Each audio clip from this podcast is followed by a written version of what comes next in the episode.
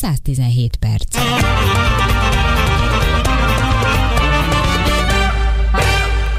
A járókelő.hu ez egy évek óta működő, nagyon érdekes internetes felület.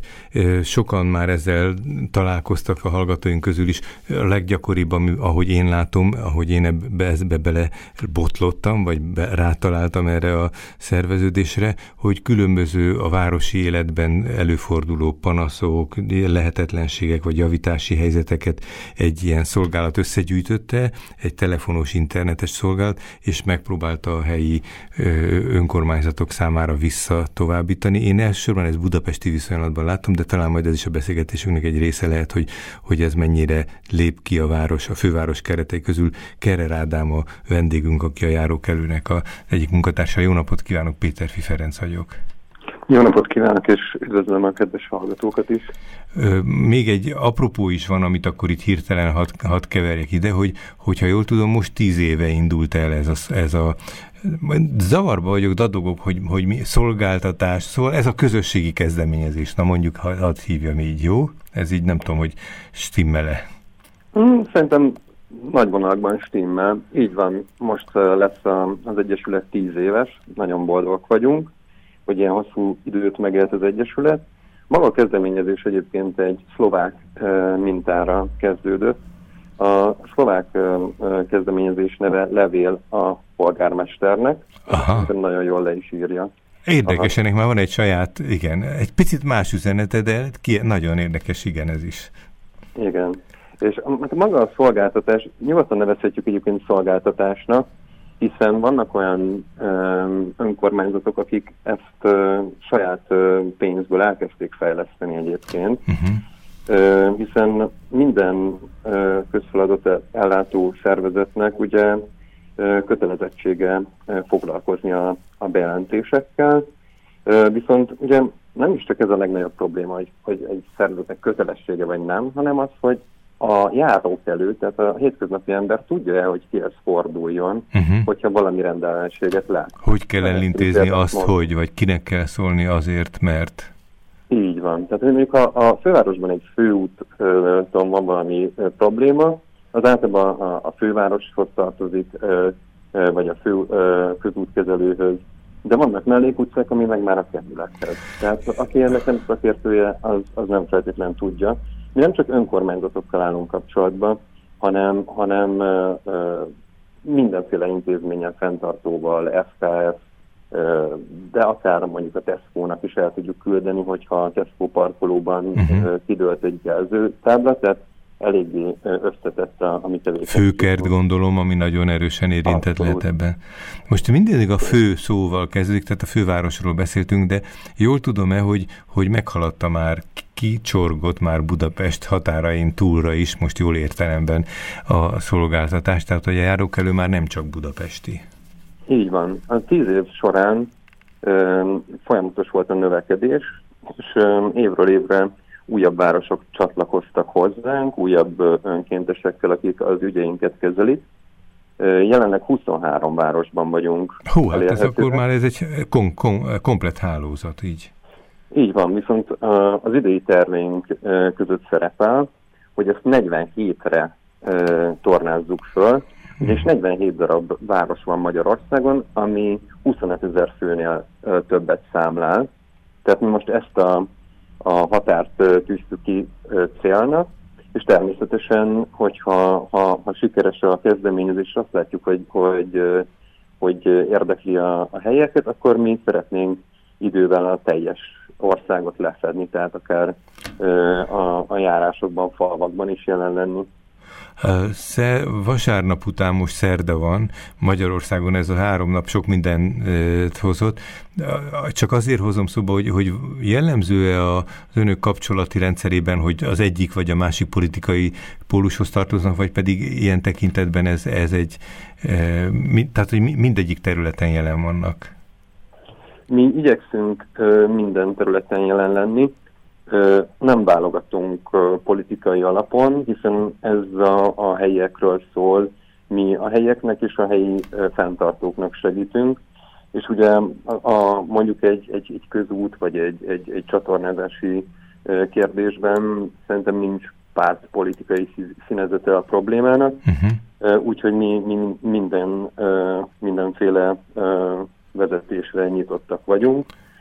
Akik, akik szívesen veszik a segítséget, azok, azok mögé beállunk.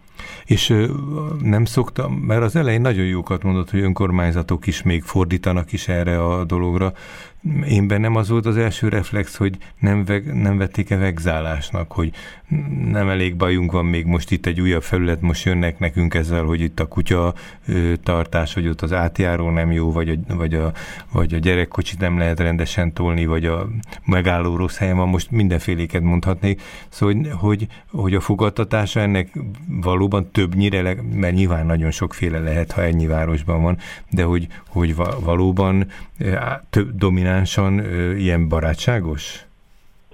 Őszintének kell lennem, az eleje a, a történetünknek egy kicsit viharosabb. Igen, tehát maga a szervezet is ugye arra jött létre, hogy számon kérje és betartassa a törvényi kötelezettségeket. Viszont már azt vettük észre, rengeteget tárgyaltunk tisztségviselőkkel, önkormányzati képviselőkkel, és azt látjuk, hogy az akarat többé-kevésbé megvan. Uh-huh. Ők is szeretnék megoldani a problémákat, ők is szeretnének egyről a kettőre jutni. Tettek is egy elég sok javaslatot arra, hogy hogyan tudnánk az ő munkájukat segíteni.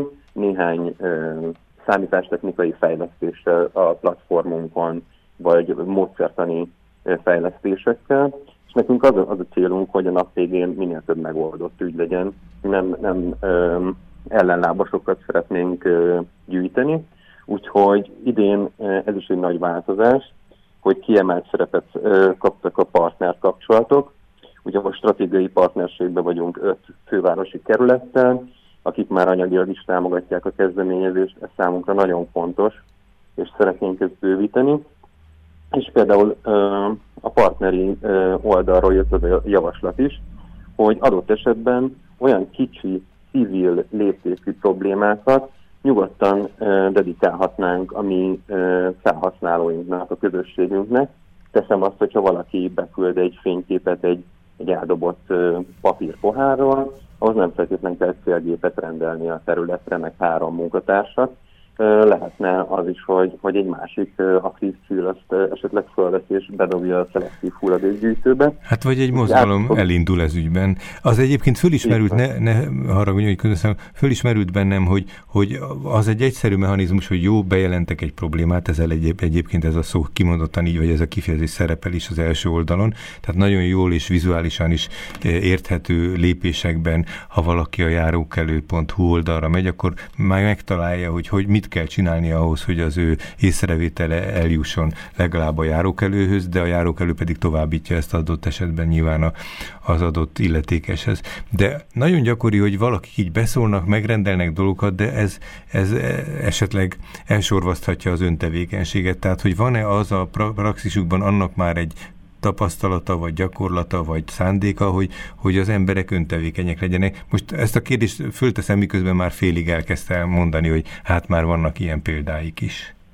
Igen, át fogjuk alakítani a rendszerünket, és ösztönözni fogjuk azokat az embereket, akik szeretnének aktívan részt venni a problémák megoldásában is, hogy, hogy, hogy erre legyen lehetőségük. Szeretnénk egy pontozási rendszert is létrehozni, és a legaktívabb hétköznapi hősök, pedig a partnereink által felajánlott élmény nyereményekben részesülnek majd év végén.